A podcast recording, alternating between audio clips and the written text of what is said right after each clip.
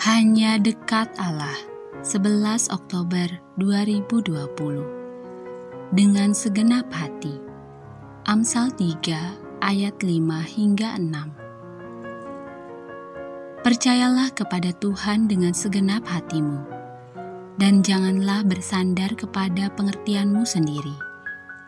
Akuilah dia dalam segala lakumu, maka ia akan meluruskan jalanmu. Demikianlah nasihat penulis kitab Amsal. Percaya berarti mempercayakan diri, tak sekadar ucapan bibir, namun juga mencakup sikap dan tindak. Tak heran jika penulis kitab Amsal perlu menekankan tambahan keterangan dengan segenap hatimu. Itu berarti total. Segenap berarti 100% itu berarti 99% juga belum segenap. Berkait dengan percaya, pilihannya memang cuma dua. Percaya kepada Allah atau kepada diri sendiri. Sebenarnya percaya kepada orang berarti juga percaya kepada diri sendiri. Sebab diri sendirilah yang mengambil keputusan untuk percaya kepada orang tersebut. Persoalannya memang kerap di sini, karena Allah itu tak terlihat dan sering pekerjaannya kita rasakan sangat lambat.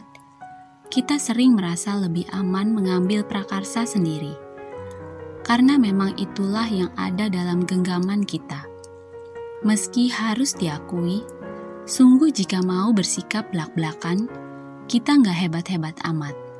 Karena itulah setelah mengambil keputusan dengan mengandalkan diri sendiri, kita malah makin resah.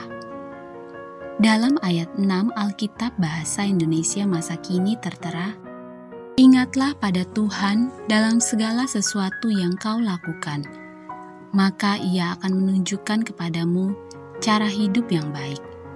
Mengingat Allah dalam setiap laku kita berarti melibatkannya dalam setiap kata yang terucap pikir yang melintas, tindak yang dilakukan. Jika itu yang kita lakukan, maka Allah sendirilah yang akan menunjukkan cara hidup yang baik kepada kita. Percayalah. Salam semangat dari kami, literatur perkantas nasional, sahabat Anda bertumbuh.